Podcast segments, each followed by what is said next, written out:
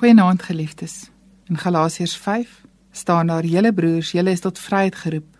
Moet net nie julle vryheid misbruik as 'n verskoning om sonde te doen nie, maar dien mekaar in liefde." Om met integriteit te leef is 'n beginsel waaraan die wêreld 'n hoë premie stel. Is jy so mens? So mens wat leef wat al glo en doen wat al sê? Of sou mense dit nooit van jou kon dink nie? Sal mense kan sien dat jy 'n Christen is omdat jou lewe dit wys? Omdat jy vry is van jou sondige natuur? Jy is as dit ware vry om reg te lewe, omdat jy met ander kwaliteite en beginsels lewe. Goed wat die lewe beter maak. Goed wat jy doen en is en wat die lewe beter maak vir jou verhouding, veral met ander mense. Hoe gaan ons dit regkry? Om anders op te tree in 'n land waar baie mense die wette en reëls verontagsaam en gevolglik groot skade en pyn vir ander meebring. Die woorde wat die pyn en skade beskryf, staan oral in ons koerantopskrifte En in ons teks, onseedlikheid, losbandigheid, onreinheid, naaiwer, vyandskap, haat, woede, risie, skeuring, afguns, uitspattighede, dronkenskap en allerlei dergelike dinge. Maar ons as gelowiges se lewe moet ander woorde te dra.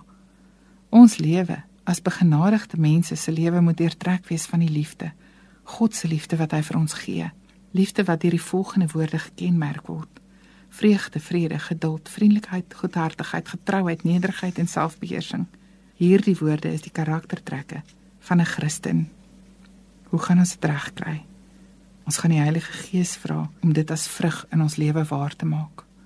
Ons gaan Jesus beter leer ken en toelaat dat sy liefde sy karaktereienskappe ons lewe so kenmerk dat ons doen en late so sal uitstaan dat mense ons sal vertrou om hulle lewe te beïnvloed.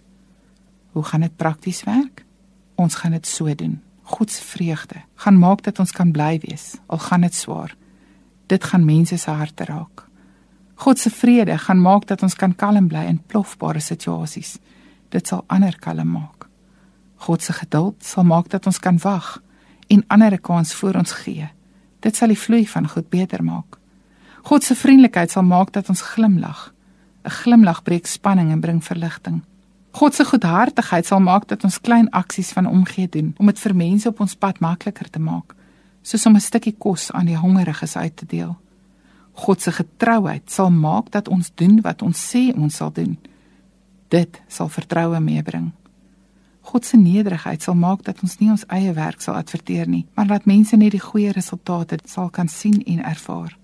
God se selfbeheersing sal ons help om op die regte koers te bly en nie aan versoeking en verleiding toe te gee nie. Dit sal ons uit die moeilikheid uithou. Hierdie vrug van die Gees sal duidelik sigbaar wees en sal ons lewe met hoofletters versier.